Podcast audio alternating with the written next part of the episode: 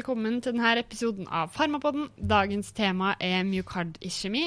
Vi skal finne ut hva man gjør når koronararteriene rundt hjertet blir tett, og hvordan dette skal behandles. Forebygging av iskjemi snakker vi om i en helt egen episode. Magnus Aronsen, vår trofaste hjerteekspert, du er som vanlig på plass. Velkommen tilbake. Tusen takk. Før vi går på behandling, så må vi aller først uh, ha litt mer kjennskap til hva kjemisk sykdom i hjertet er, for å forstå hvordan vi skal behandle det. Magnus, kan du fortelle oss litt om kjemisk sykdom, som ikke er en veldig uvanlig sykdom? Absolutt ikke, det er veldig vanlig. Og iskjemi, det er jo uh, mangel på uh, oksygen til et vev som følge av dårlig blodforsyning, da. Og i eh, kardiologien så snakker vi vel om to hovedgrupper eh, i kjemiske hjertesykdommer, nemlig angina pectoris og hjerteinfarkt. Og helt kort, da, eh, så angina eller angina pectoris, det kan man jo oversette til hjertekrampe. Og litt mer sånn patofysiologisk så er jo det de situasjonene hvor hjertet får blod, men ikke nok blod i forhold til det hvor eh, hjertet selv trenger, da. Og det typiske her er jo ikke sant, eh, aterosklerose som tetter igjen og begrenser blodforsyningen, men hvor det tross alt er blodforsyning, da.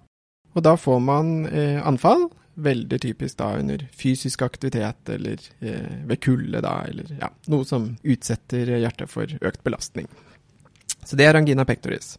Og så, eh, når går det over til eh, hjerteinfarkt? Vel, eh, den enkle forklaringen på det, det er når kransarteriene blir helt tette, da. Da får vi et hjerteinfarkt. For da, da blir det liksom null blodforsyning da, til et område av hjertemuskelen, og da, da, dør jo den i løpet av ganske kort tid, da. Og da får man altså nekrose, nekrose, ikke sant. Og så får man jo typisk disse kjemismertene, da, men at de vedvarer lenge, og hvor de er typisk da, pressende midt i brystet, eh, klassisk lærebok ut i armen og opp i halsen, og det er ikke alltid sånn at det må være sånn, men det er jo det klassiske da, ikke sant. Og så finnes det to typer hjerteinfarkt, eh, og det er jo litt ut ifra KG-kriterier, men det er jo det som heter STEMI og non-STEMI, da. Så man kan si at angina pectoris er en slags sånn forvarsel? Sånn varsellampa lyser litt, hvis man har det? Det kan man godt uh, si. Da har man i stor risiko for å få et hjerteinfarkt. Da. Det er en fin måte å si det på. Vi kunne nok ha snakka mye om de her to tilstandene, om EKG og forskjellige undersøkelser for å påvise det, men vi har ikke tid til å gå gjennom alt. Men vi må snakke litt mer da, i detalj. Hva skjer egentlig i blodåreveggen?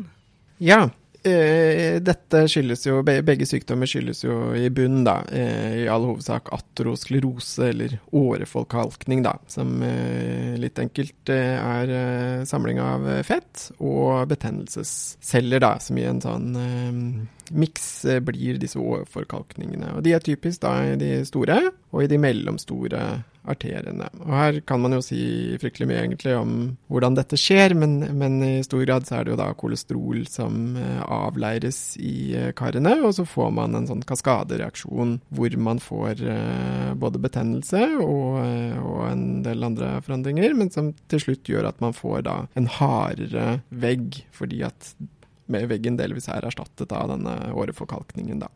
Er ikke hjertet sin O2-balanse også sentralt oppi det her? Helt enig. Eh, hjertets O2-balanse syns jeg er et veldig fint sånn eh, pedagogisk eh, konsept. Og hva, hva, mener vi egentlig med O2-balansen? Jo, det er, kan vi godt se på som et lite regnskap, eller balansen mellom inntekt av oksygen for hjertemuskulaturen, altså hvor mye oksygen muskelen får tilført, og utgift i dette tilfellet, hvor mye oksygen er det hjertet bruker.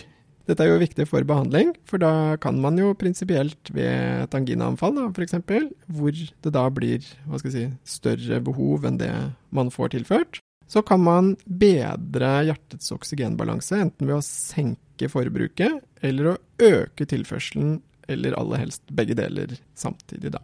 Og da, ja, hva er det som eh, kan eh, gjøre at man får eh, bedre O2-balanse? Jo, det er selvfølgelig at man tilfører den delen av hjertet som får for lite blodforsyning, at man tilfører mer blod. Så da får man jo mer tilførsel, så det kan vi jo snakke mer om etterpå. Og så er det et viktig konsept, og det er at hvis vi senker hjertemuskulaturens forbruk av oksygen, dvs. Si å senke puls, senke kontraktilitet, senke venøs tilbakestrømning, eller å senke blodtrykket, altså afterload. Alle disse faktorene som øker hjertets arbeid og, og dermed hjertets O2-forbruk. Hvis vi kan senke det på én eller to eller tre ulike måter eh, legemiddelmessig, ja, så får vi bedre O2-balanse.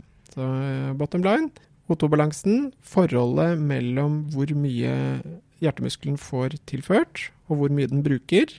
Og anginaanfall oppstår når eh, hjertet trenger mer enn det faktisk får tilført. Mm. Har vi noen komplikasjoner ved aterosklerose? Definitivt. Så i tillegg da til å få disse anginaanfallene eh, når oksygenbalansen blir gæren eh, ved aterosklerose, så er det jo en veldig eh, beklagelig komplikasjon som kan oppstå, nemlig at du får eh, tromboembolisme da.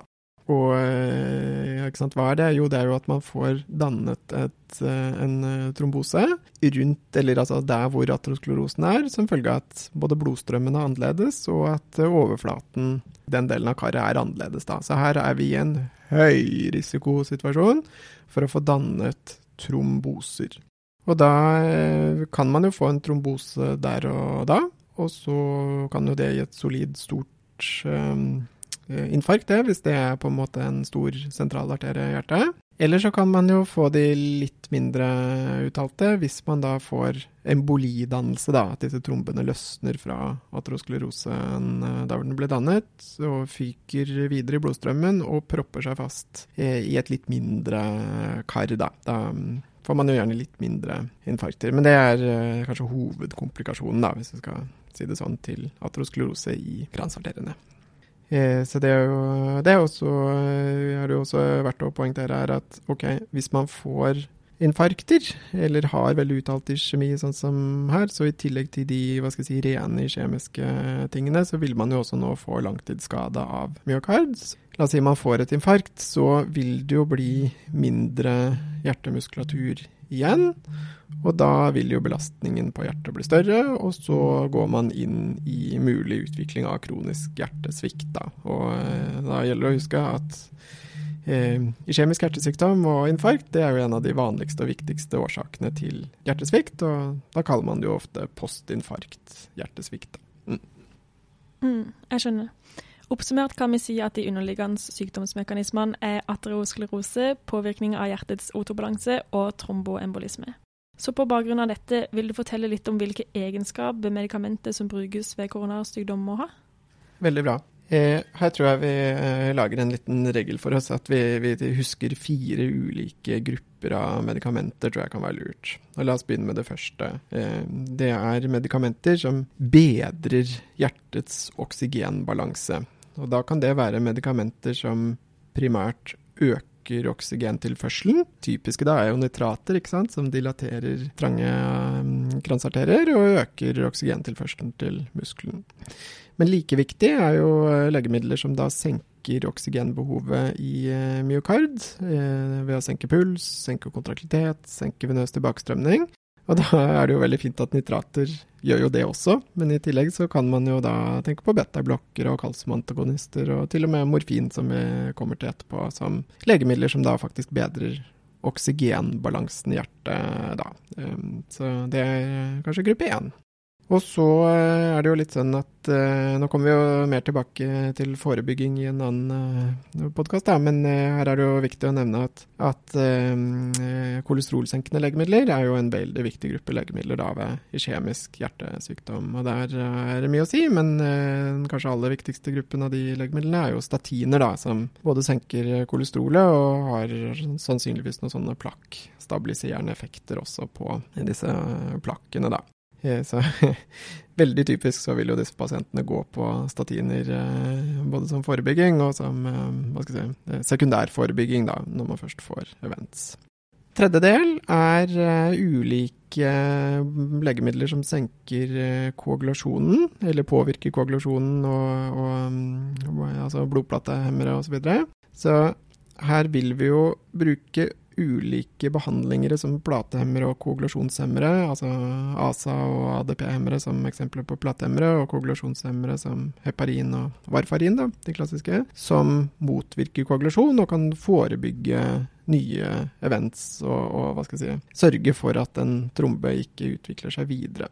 Og så I tillegg så er jo en veldig viktig, en utrolig viktig del av moderne kardiologi, det er jo at vi nå eh, har muligheter til å behandle oppståtte tromboser og da er jo legemidler en mulighet, altså trombolytiske legemidler som da løsner opp eh, blodpropper. Og så har man jo selvfølgelig PCI i tillegg, da. Og det, det må sies altså at trombolyse slash PCI har revolusjonert infarktbehandling og er virkelig en stor forskjell på um, tiden før og etter de mulighetene, da. Men uh, som samlegruppe, legemiddelgruppe 3, alle legemidler som virker på eh, koagulasjonssystemet og eller eh, platehemmere, da. Mye brukt i behandling av kjemisk hjertesykdom.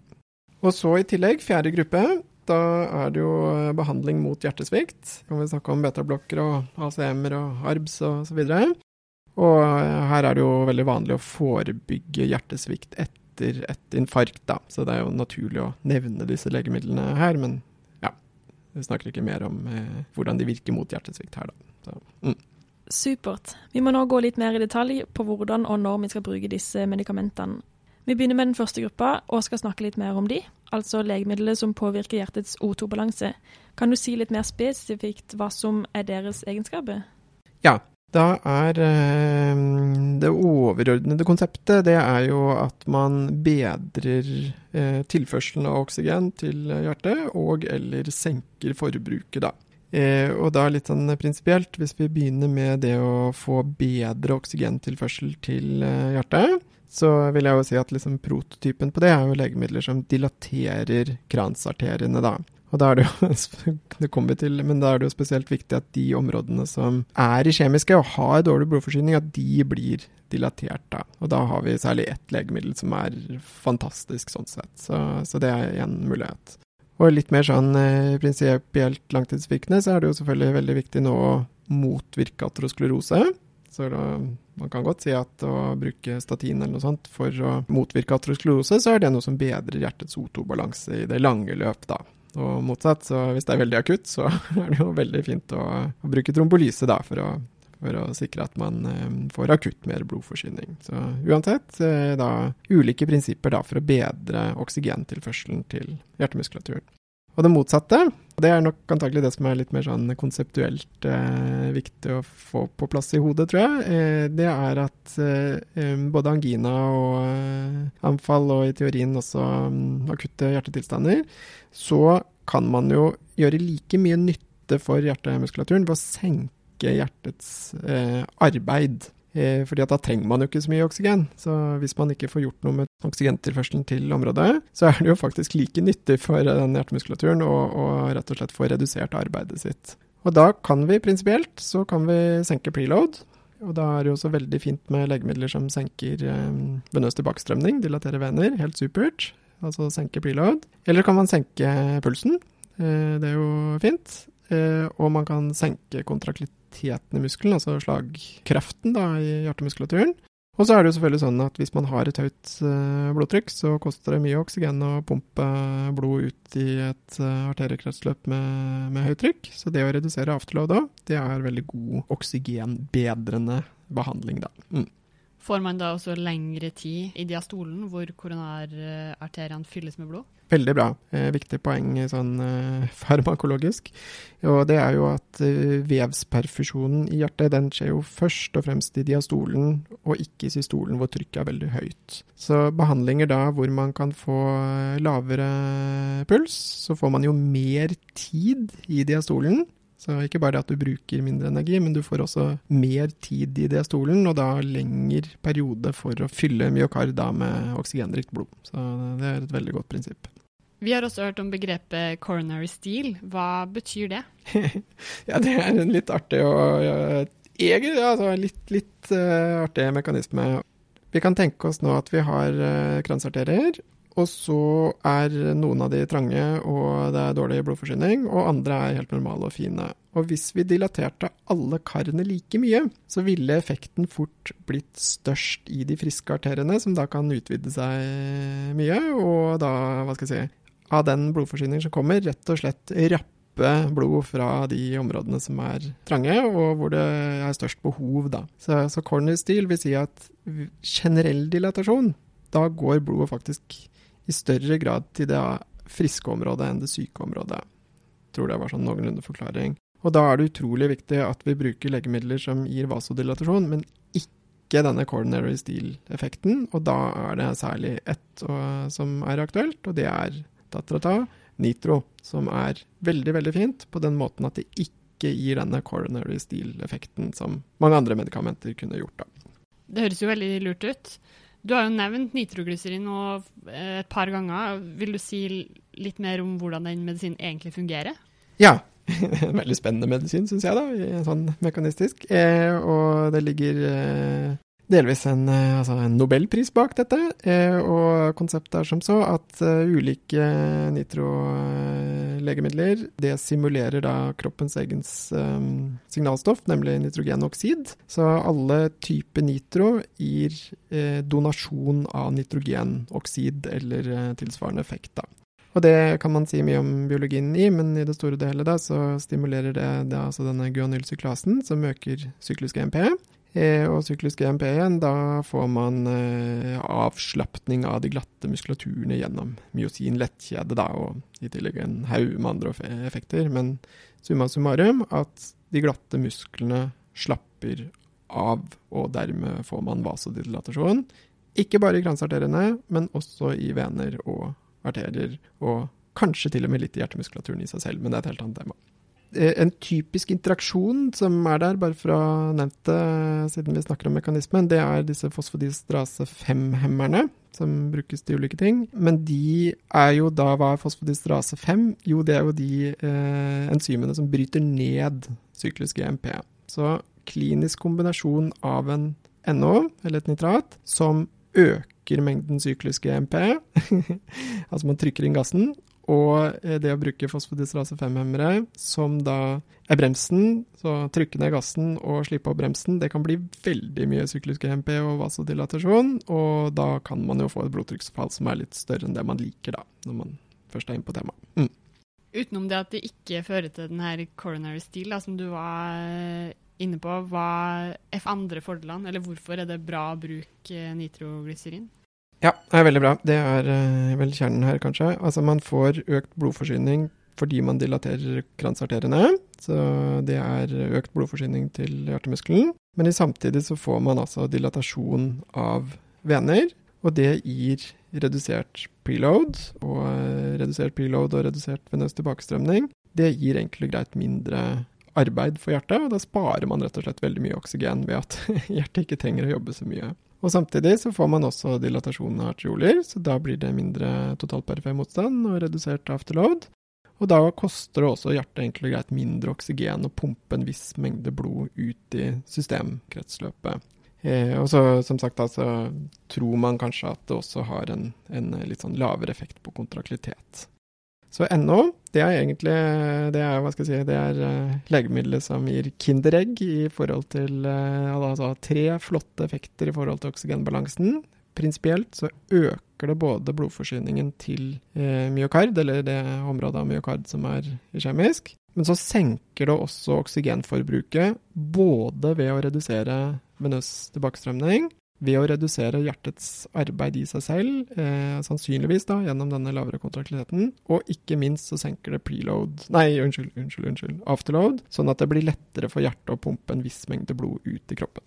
Veldig karakteristisk for nitro er jo en dusj under tunga. Hvorfor det? Nei, eh, skal man ha rask effekt, så er det jo fint å få det rett i blodet, for så vidt. Og så er det en greie at det har ganske stor første passasje metabolisme. Så det å gi det sublingualt, som det heter, det gjør at man får veldig rask effekt, og det er jo også selvfølgelig veldig lett å eh, gjøre det på den måten, da. Så det er en veldig fin sånn akutt eh, prinsipp. Eh, og så kan man jo selvfølgelig også da eh, gi det som både plaster og infusjon og andre muligheter, da. Men først og fremst til veldig rask behandling, så er sublingualt helt supert, altså. Mm. Man skal jo ikke pugge så mange navn og sånn, men hvilke legemidler er det sentralt å kjenne til? Nei, eh, det er det med pugging og sånn, da. Eh, vi kan si det litt eh, enkelt. Altså de hurtigvirkende nitroglyserin eller glyserolnitrat. Og så er det de langtidsvirkende som gir høy biotilgjengelighet, eh, isosorbid mononitrat, da, som er i praksis en depottablett som har ja, halveringstid på fire til seks timer. Um, og da bare for uh, farmakokinetikkens skyld. En gang, en gang, må man jo ta det opp.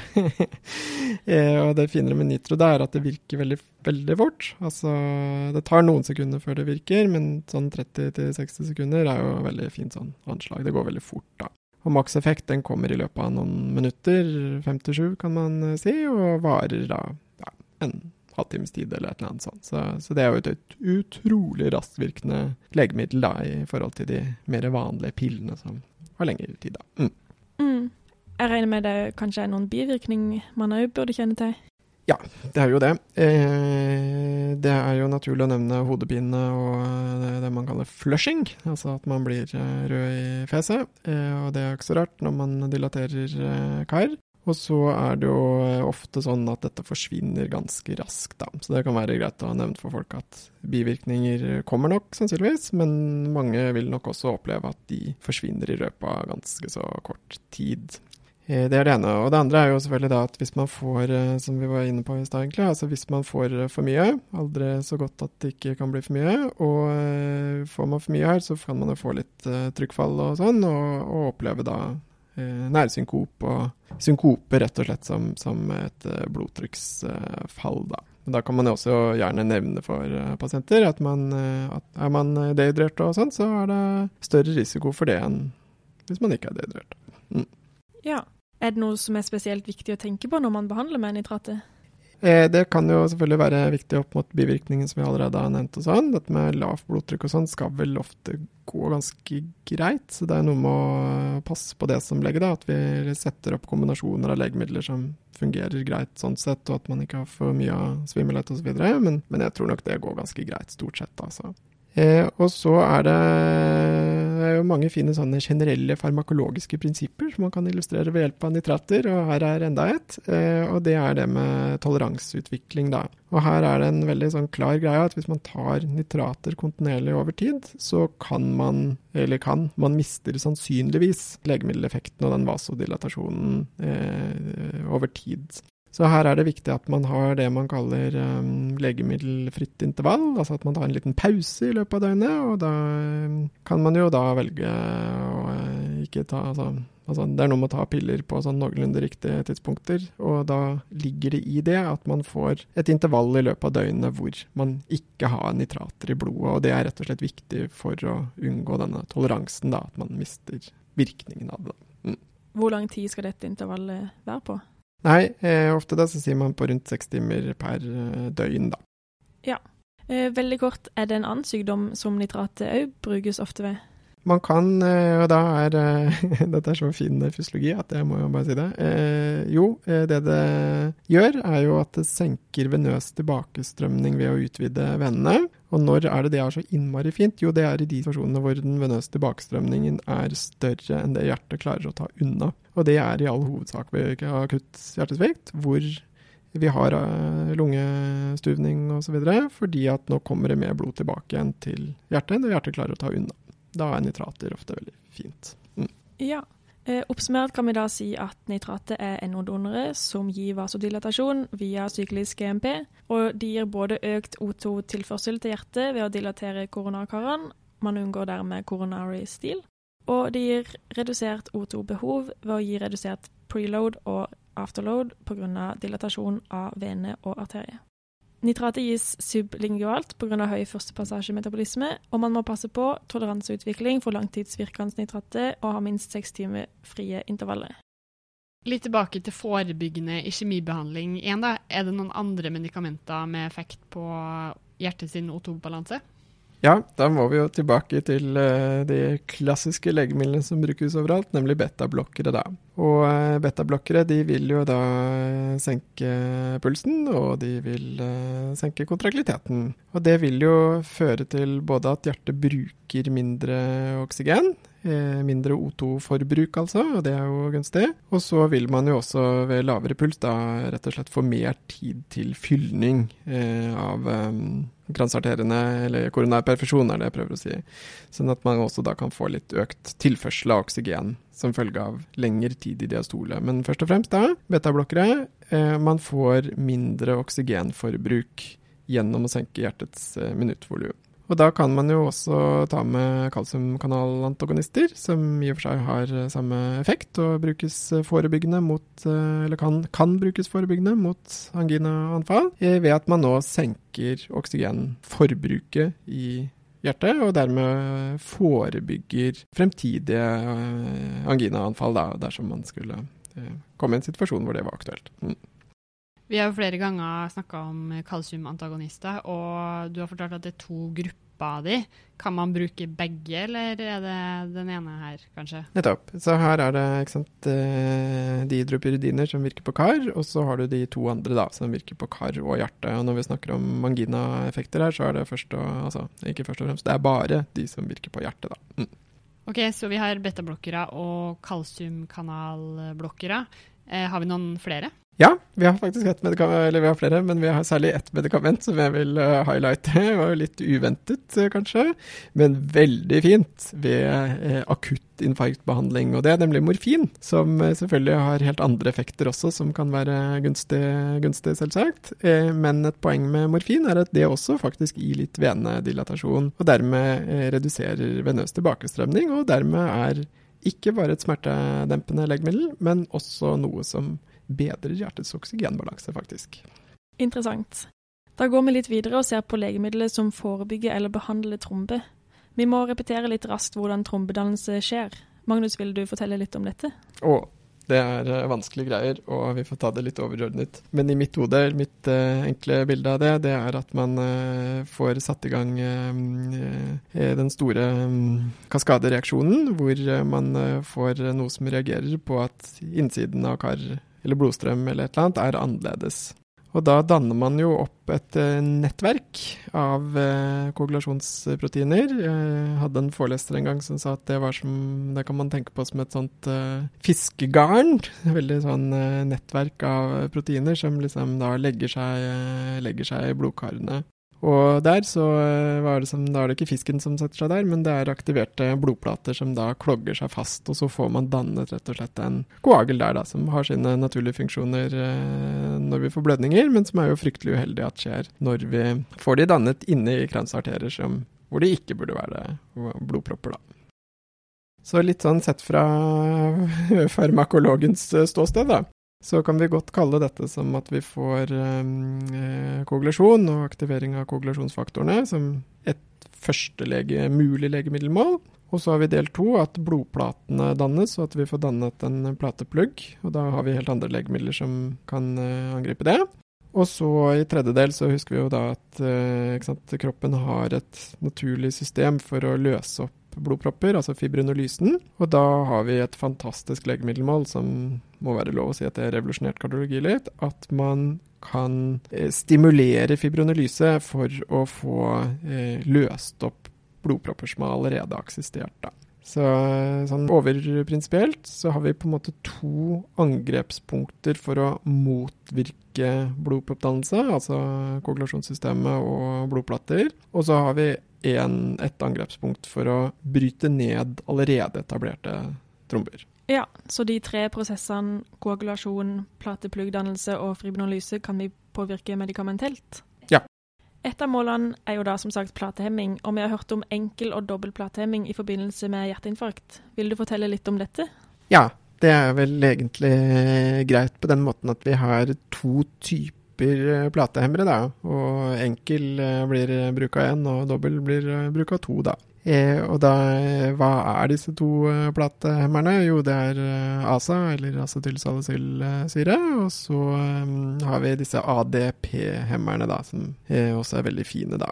Vi kan begynne med acetylsalicylsyre. Hvorfor er det så godt egnet?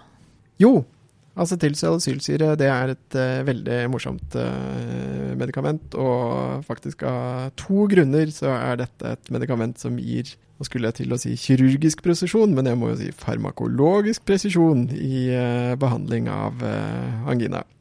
og da er poenget for det første at uh, acetylsalicylsyre det består av en acetyldel og en salicyldel. Og den acetyldelen den hva er det den gjør? Jo, den binder seg til eh, disse syklooksygenasene, COX, i, i og for seg eh, der hvor den finner de, men eh, i, også da i blodplatene. Og når vi hemmer COX-enzymer, og til og med irreversibelt, fordi at denne acetyldelen eh, binder seg irreversibelt til, eh, til COX, så vil ikke den trombosytten klare å lage de signalstoffene som tromboksan, A2 osv. som gir eh, blodplateaktivering. Og Det som er så veldig veldig fint eh, farmakologisk sett, da, det er at eh, blodplater de er jo ikke nødvendigvis eh, celler, like mye celler som andre celler, på den måten at de ikke har cellekjerner. Og når vi da har liksom ødelagt sykkeloksygenasene dens, så ja, så vil den reve resten av sin levetid, den blodplaten, uten å noen gang kunne få særlig aktivering, og dermed blodplatedannelse. Det er veldig fint.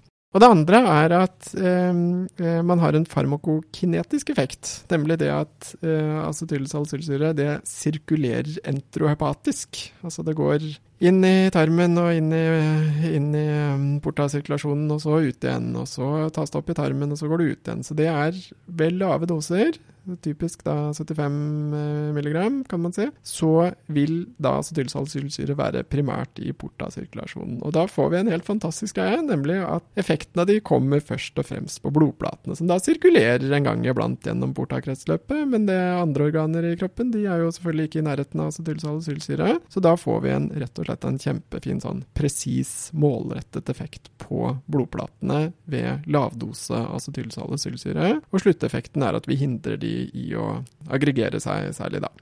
Det høres jo veldig bra ut forebyggende, men er ikke ASA også en del av akuttbehandlinga ved hjerteinfarkt? Veldig bra, veldig bra, absolutt. Og da, da kommer den eh, liksom, dosegreia inn her. For da, eh, lavdose er én ting, og medium eller høydose er en annen ting da. Og det er jo, som du sier, eh, veldig bra. Det er jo en typisk ting at man gir mye høyere dose, da, gjerne 300 milligram eller uh, mer til og med sånn at man får acetylsalisyren ut av den enterohepatiske sirkulasjonen og over i systemsirkulasjonen. Da. Og da kan man jo få litt mer generell effekt, da. Mm.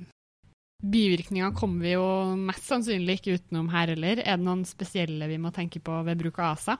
Bivirkninger her også, som alltid nær sagt. Og eh, da kan man godt få med seg dette med ulkus, altså magesår. Og så har det til tider vært eh, snakk om allergiske reaksjoner og litt sånne astmatiske symptomer, da. Og da er det jo litt viktig å nevne her eh, at eh, COX-1 og COX-2 har man litt ulike steder, og COX-1 er uttrykt eh, mer konstitutivt, og COX-2 er jo mer sånn induserbart, da, som det heter, da. Men eh, la oss ikke gå altfor mye i dybden på det. Er det noen andre platehemmere som det er viktig å vite om? Veldig bra. Eh, skal vi drive dobbel eh, platehemming, så må vi ha en til. Og da er eh, det man bruker, er jo da ADP-reseptorantagonister, da. Og da, ikke sant, acetylsalicylsyre det virket på signalkaskaden inne i eh, blodplatene. Og ADP-antagonister de er jo en, en, reseptor som gjør at eh, trombocyttene da ikke aktiveres. da. Så det er to ulike deler av signalkaskaden som fører til blodplatehemmere. Og den typiske da, Dette er jo legemidler som fungerer veldig bra. Eh, og de typiske da kan man jo snakke om klopidogrell og ticagrelor og prosogrell. Eh, trenger jo ikke å pugge de, kanskje, men eh, klopidogrell er jo en sånn typisk for man eh, hører mye om, og kanskje de andre òg. Så det er i hvert fall da eksempler på ADP-reseptorblokkere. Og eh, dette er typisk Altså brukes i litt ulike situasjoner, men typisk typisk ved, ved stentbehandling, bl.a. med tanke på endotellskader osv. Så, videre. så her vil man ofte da gå på disse en eh, kort eller lengre periode, f.eks. etter PCI da, som standardbehandling. Da. Dette var del én av myokard-iskjemi-episoden. I del to skal vi snakke om retningslinjene for behandling av angina pectoris og hjerteinfarkt.